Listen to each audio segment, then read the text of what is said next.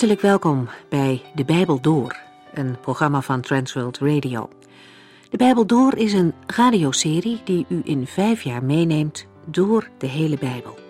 Van Genesis 1 tot Openbaring 22.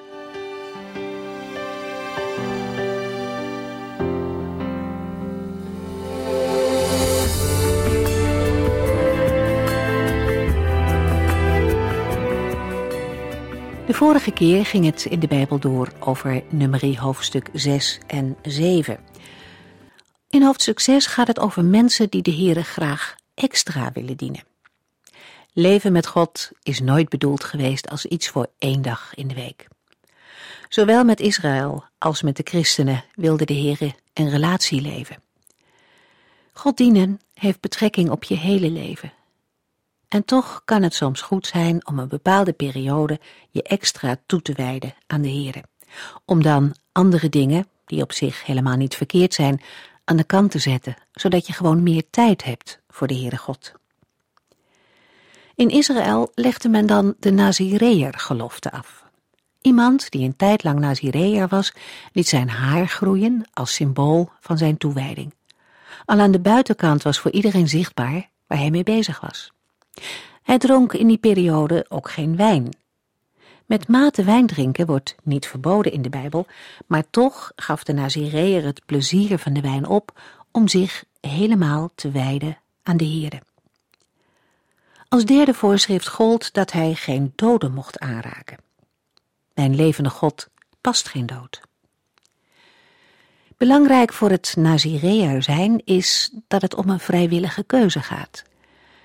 Maar als iemand de Heere zo'n belofte deed, dan moest hij zich ook daaraan houden. Voor God is het namelijk belangrijk dat mensen ook hun belofte nakomen.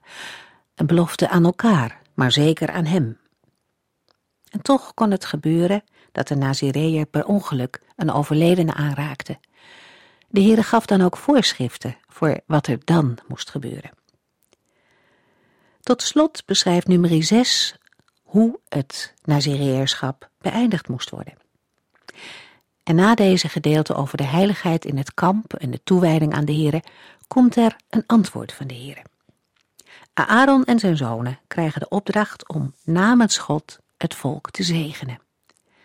En dit zegenen zou een van hun belangrijkste taken worden. In nummerie hoofdstuk 7 wordt er een opsomming gegeven van de geschenken die werden gebracht door de leiders van Israël. Het gaat dan om gaven voor de inwijding van de tabernakel en voor het altaar. En laten we ons verder verdiepen in hoofdstuk 8.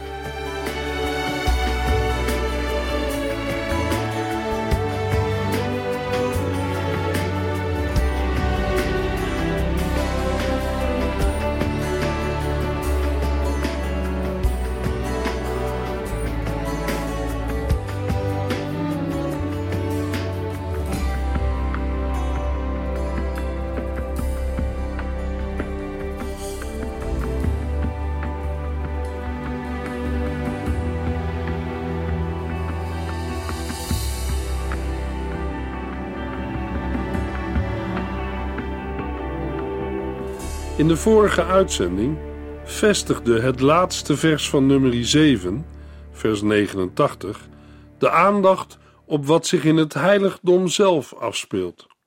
De Heere sprak met Mozes van boven het verzoendeksel dat op de ark lag, tussen de beide engelen op het deksel.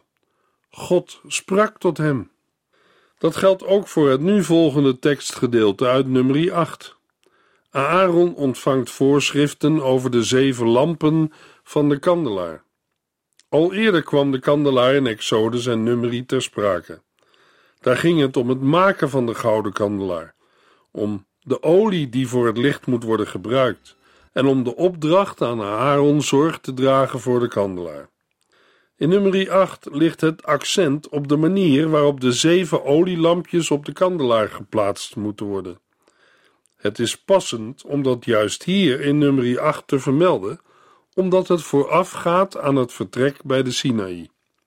Tijdens de reis naar het beloofde land zal de tabernakel verschillende keren moeten worden afgebroken en opgebouwd, waarbij de kandelaar met erop de zeven olielampjes steeds opnieuw in de tabernakel zal moeten worden opgesteld.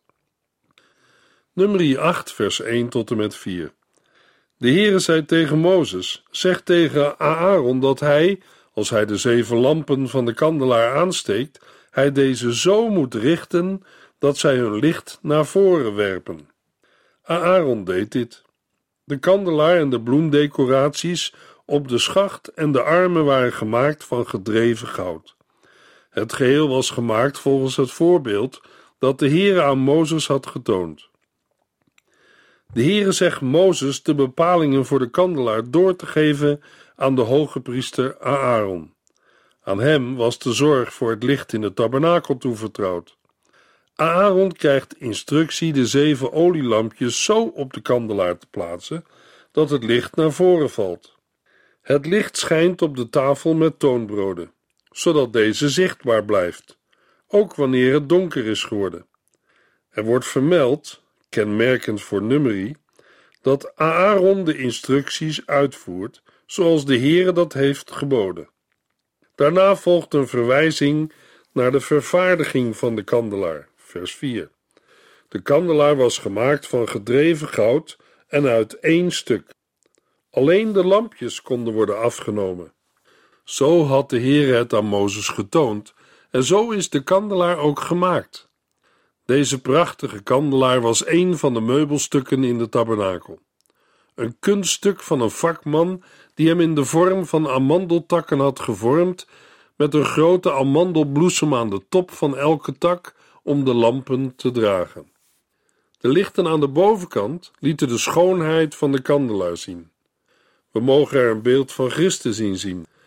De aangestoken lampen vertegenwoordigen de Heilige Geest die de schoonheid van Christus laat zien. De Heilige Geest wil Christus verheerlijken en laten zien in de wereld. Zonder Christus kan een gelovige niets doen in de wereld. De Heere zendt daartoe zijn geest. De kandelaar is het licht en de Heer Jezus Christus noemt zichzelf het licht van de wereld. Nummer 8, vers 5 tot en met 8. Toen zei de Heere tegen Mozes: Neem de Levieten apart van de rest van het volk Israël. Zij moeten zich reinigen. Besprenkel hen met water dat hen ontzondigt. Laten zij vervolgens hun hele lichaam scheren, hun kleren wassen en zich baden. Laat hen daarna een jonge stier en een spijsoffer van fijn meel, vermengd met olie en een jonge stier als zondoffer brengen. Voordat de levieten hun taken kunnen verrichten, moeten ze eerst een reiniging en wijding ondergaan. De tabernakel is een heilige plaats, de verblijfplaats van de Heere te midden van zijn volk. Nummer 8 vertoont parallellen met Leviticus 8 waar de wijding van de priesters beschreven wordt. Maar er zijn verschillen.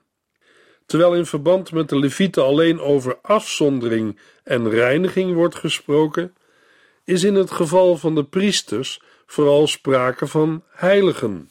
Leviticus 8, vers 12.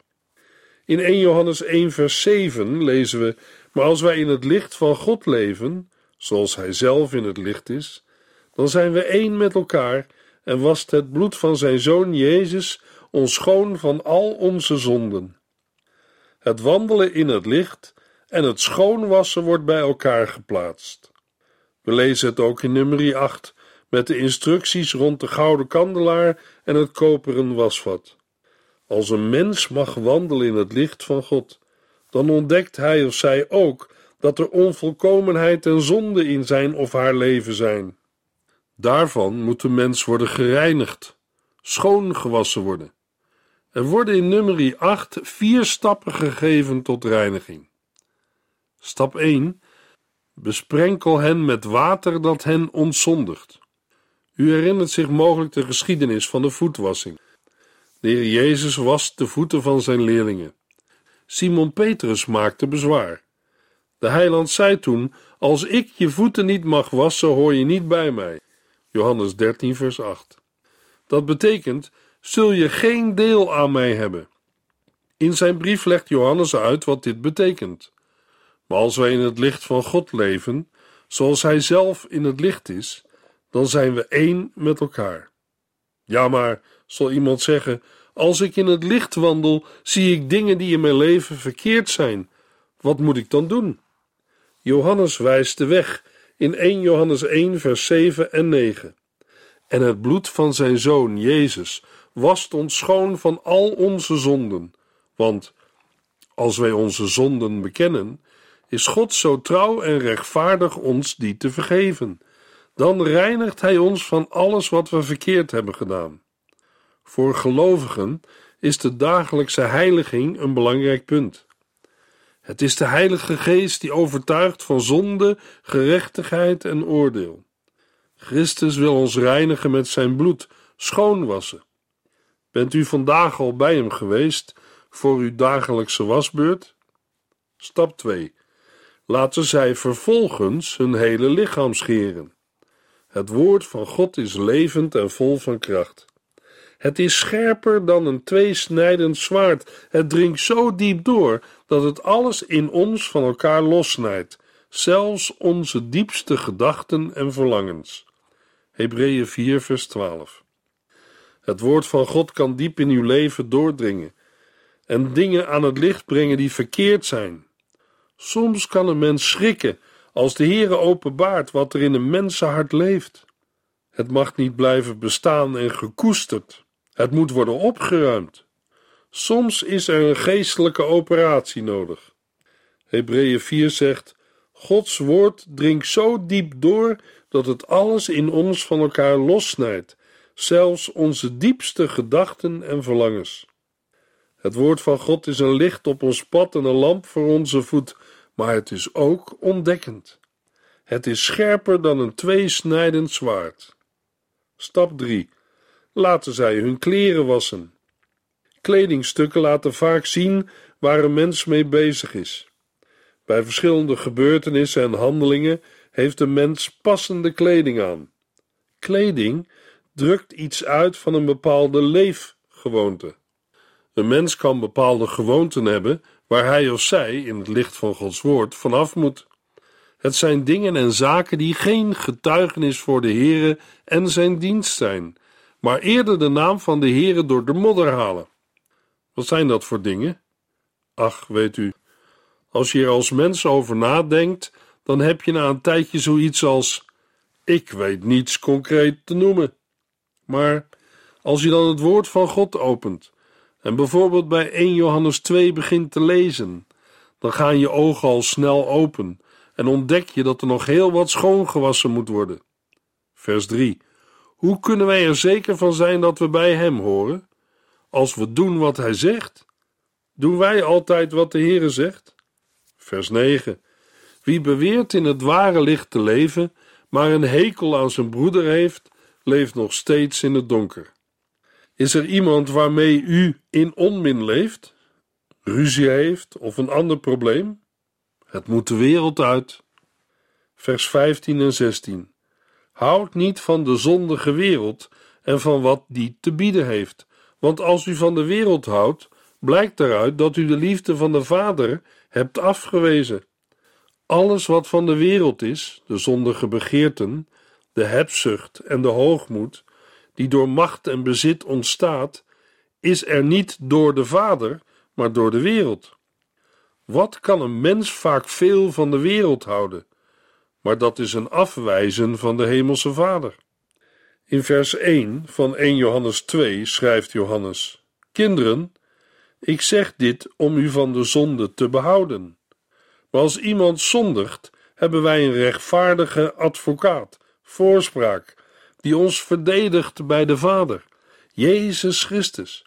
Hij nam de straf voor onze zonde op zich en verzoende ons zo met God. Hij is het offer voor onze zonde en niet alleen voor de onze, maar ook voor die van de hele wereld. Stap 4. Laat hen daarna een zondoffer brengen. Er moest een jonge stier zijn voor een brandoffer en een spijsoffer van fijn meel en nog een jonge stier als zondoffer worden gebracht. Ook deze offers spreken van Christus. Met andere woorden, al deze reinigingen, alles wat er is gedaan en voorgeschreven, is gedaan met het oog op de persoon en het werk van Christus. Hij deed dit alles ook voor u. Hij deed het opdat mensen hem zullen dienen. Nummer 8, vers 9 tot en met 11. Breng de levieten dan bij de ingang van de tabernakel. Het hele volk moet daarbij aanwezig zijn. Daar zullen de stamhoofden namens het hele volk hun de handen opleggen. Aaron zal hen met een gebaar alsof hij offert aan de Heere aanbieden als een geschenk van het hele volk Israël. De Levieten zullen in hun dienst aan de Heere het hele volk vertegenwoordigen.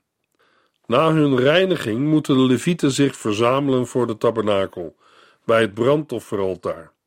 Hier zullen zij gewijd worden voor de dienst aan de Heere. Heel het volk is hierbij aanwezig. De stamhoofden legden namens het hele volk hun de handen op.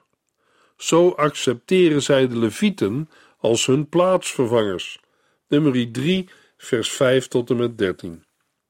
Aaron presenteert de Levieten vervolgens als een offer voor de Heere en drukt daarmee uit dat ze hem toebehoren. Net zoals dat gebeurt bij een slachtoffer, waarbij het deel van het offer dat de priester toekomt, wordt opgeheven naar de Heere als teken dat dit zijn eigendom is. Alles wordt gedaan opdat de Levieten de Heere op een juiste wijze zullen dienen. Daartoe zijn ook de instructies in de versen 12 en 13. Op hun beurt leggen de Levieten hun handen op de kop van de eerder genoemde stieren van het brandoffer en het zondoffer.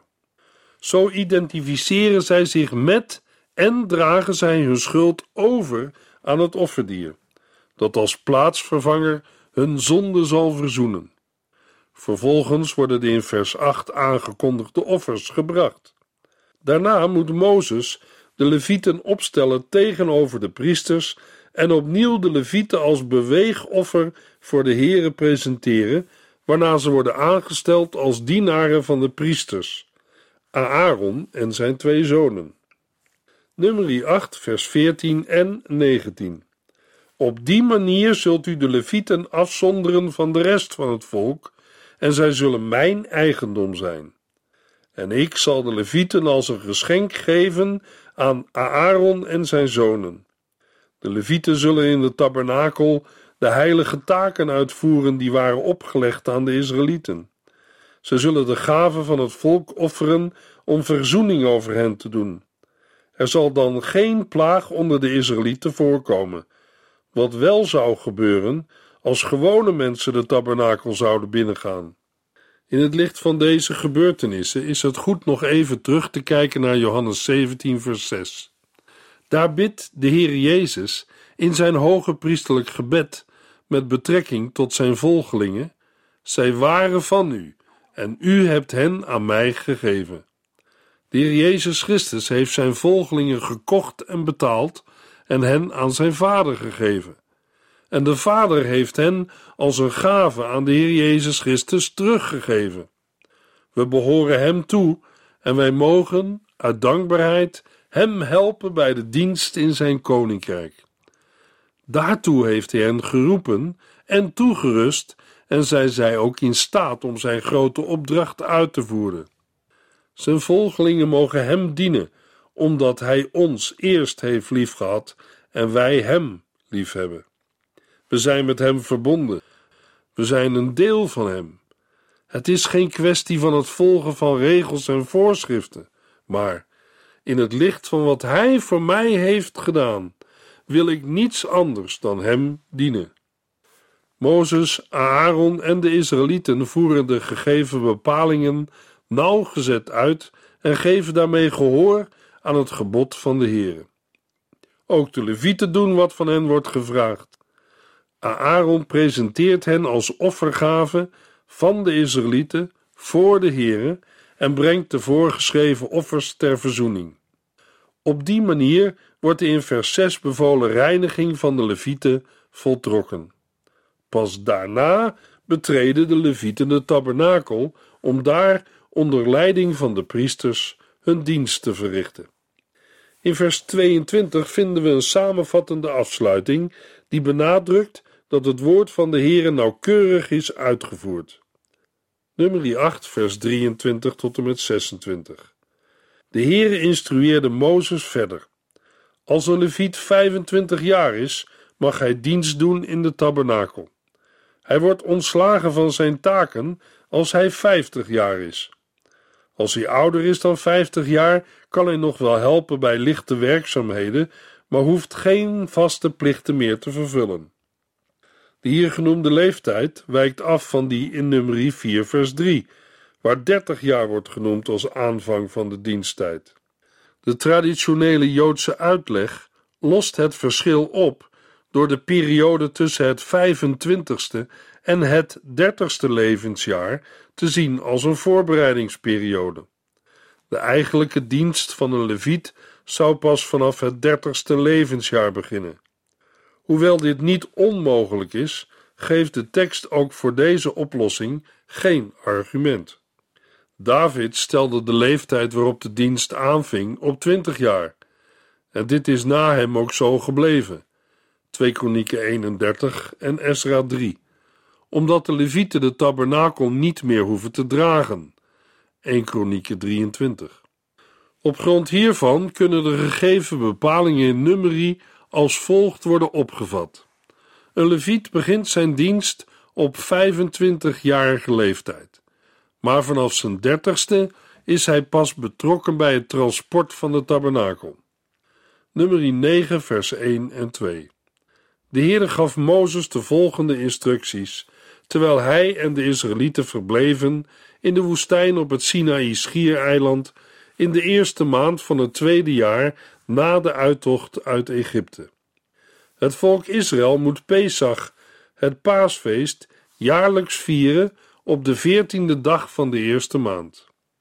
In nummer 9 vinden we concrete voorbereidingen voor vertrek. In vers 1 tot en met 14 de opdracht tot de jaarlijkse viering van Pesach, het paasfeest.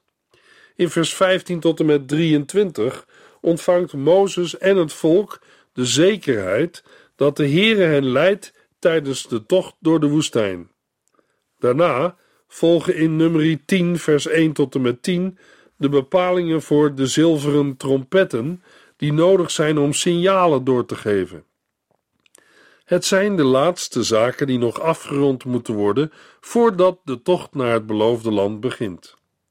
Israël moest het paasfeest vieren terwijl ze in de woestijn waren. Dan doet zich een probleem voor. Nummer 9, vers 6. Er waren enkele mannen die een dode hadden aangeraakt en daardoor onrein waren, zodat ze het paasfeest niet konden vieren. Zij legden hun probleem aan Mozes en aan Aaron voor. Nummer 9, vers 8 tot en met 11. Mozes zei dat hij God om raad zou vragen. En dit was het antwoord dat hij van de Heer ontving. Als de Israëlieten, nu of in de toekomst, op het moment van Pesach, het paasfeest, onrein zijn doordat ze een dode hebben aangeraakt, of omdat ze op reis zijn, mogen zij Pesach wel vieren, maar dan een maand later. Zij doen dit dan op de veertiende van de tweede maand, beginnend in de avond. Als overmachtssituaties wordt specifiek genoemd verontreiniging door het aanraken van een dode en het maken van een verre reis. Zo wordt uitdrukkelijk vooruitgekeken naar de tijd dat Israël in het beloofde land zal wonen. Hetgeen nog eens bevestigd wordt door de vaststelling dat deze bepaling ook voor toekomstige generaties geldt. De bepalingen voor dit tweede paasfeest zijn exact gelijk aan die van het eerste. Er is geen onderscheid. Het feest van Gods verlossing mag en moet op dezelfde uitbundige wijze gevierd worden. Het uitwijken naar een alternatieve datum moet wel beperkt blijven tot situaties van overmacht. Van de regeling mag geen misbruik worden gemaakt. Daarvoor is het gedenken van de Here te belangrijk. Nummer 9, vers 15 tot en met 23. Op de dag dat de tabernakel werd opgezet, bedekte de wolk deze en s'nachts veranderde de wolk in een zuil van vuur die de hele nacht zichtbaar bleef. Zo ging het voortdurend. Overdag een wolk en s'nachts een vuurzuil. Wanneer de wolk opsteeg, braken de Israëlieten op. volgden hen naar de plaats waar hij stopte en sloegen daar het kamp op. Op die manier reisden zij op bevel van de Heere, stopten waar hij het wilde en bleven daar tot de wolk weer verder ging. Als hij lang bleef, bleven zij ook lang. Maar als hij maar enkele dagen bleef, bleven zij ook maar enkele dagen, want dat had de Heere hen opgedragen. Soms bleef de vuurzuil slechts één nacht stilstaan om de volgende morgen verder te trekken. Maar of het nu dag of nacht was, wanneer de wolk zich bewoog, trokken ze verder. Als de wolk twee dagen, een maand of een jaar boven de tabernakel bleef, bleven de Israëlieten ook zo lang. Maar zo gauw hij weer bewoog, trokken ze verder. Op aanwijzing van de Heere sloegen zij hun kamp op en op zijn bevel trokken ze weer verder. Ze volgden precies alle aanwijzingen op die de Heere hun door Mozes gaf. De versen 18 tot en met 23 werken vers 17 uit. Wisselend wordt genoemd dat de Israëlieten opbraken en zich legerden en weer opbraken. Zo sluit de literaire cadans van dit tekstgedeelte aan bij het verloop van de reis door de woestijn, waarin periodes van reizen en rusten elkaar continu afwisselen. Daarbij wordt benadrukt dat de Heere steeds het initiatief neemt, of het nu gaat om opbreken of legeren. In de wolkkolom is de Heere aanwezig in het legerkamp van Israël. Dag en nacht is zijn tegenwoordigheid merkbaar. In het Nieuwe Testament geeft de Heer Jezus aan dat zijn volgelingen na zijn vertrek niet als wezen zullen achterblijven. Hij zendt de Heilige Geest om tot in eeuwigheid bij de gelovigen te zijn. Johannes 14. Zo is Gods tegenwoordigheid, zijn heerlijkheid, zijn Shekinah, door de Heilige Geest voor altijd onder de gelovigen aanwezig, in afwachting van het moment waarop wij Hem zullen zien, van aangezicht tot aangezicht. In de volgende uitzending lezen we nummer 10, vers 1 tot en met 11, vers 5.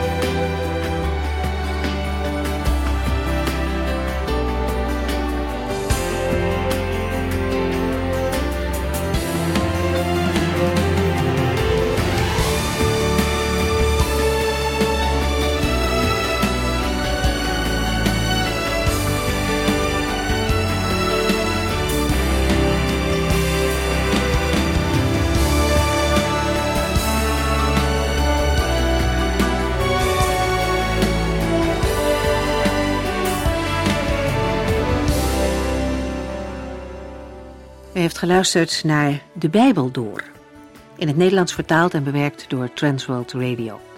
Een programma waarin we in vijf jaar tijd de hele Bijbel doorgaan.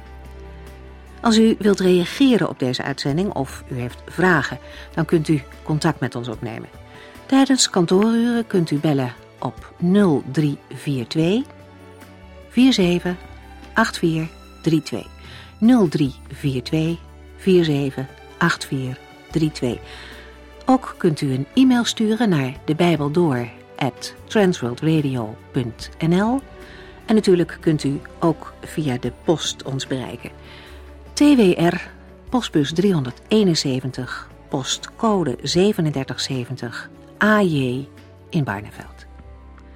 Dit programma werd gepresenteerd door Cor Weda en Ike André. Techniek was in handen van Odin van Woerdekom. En wij allemaal bedanken u voor het luisteren. Graag tot de volgende keer.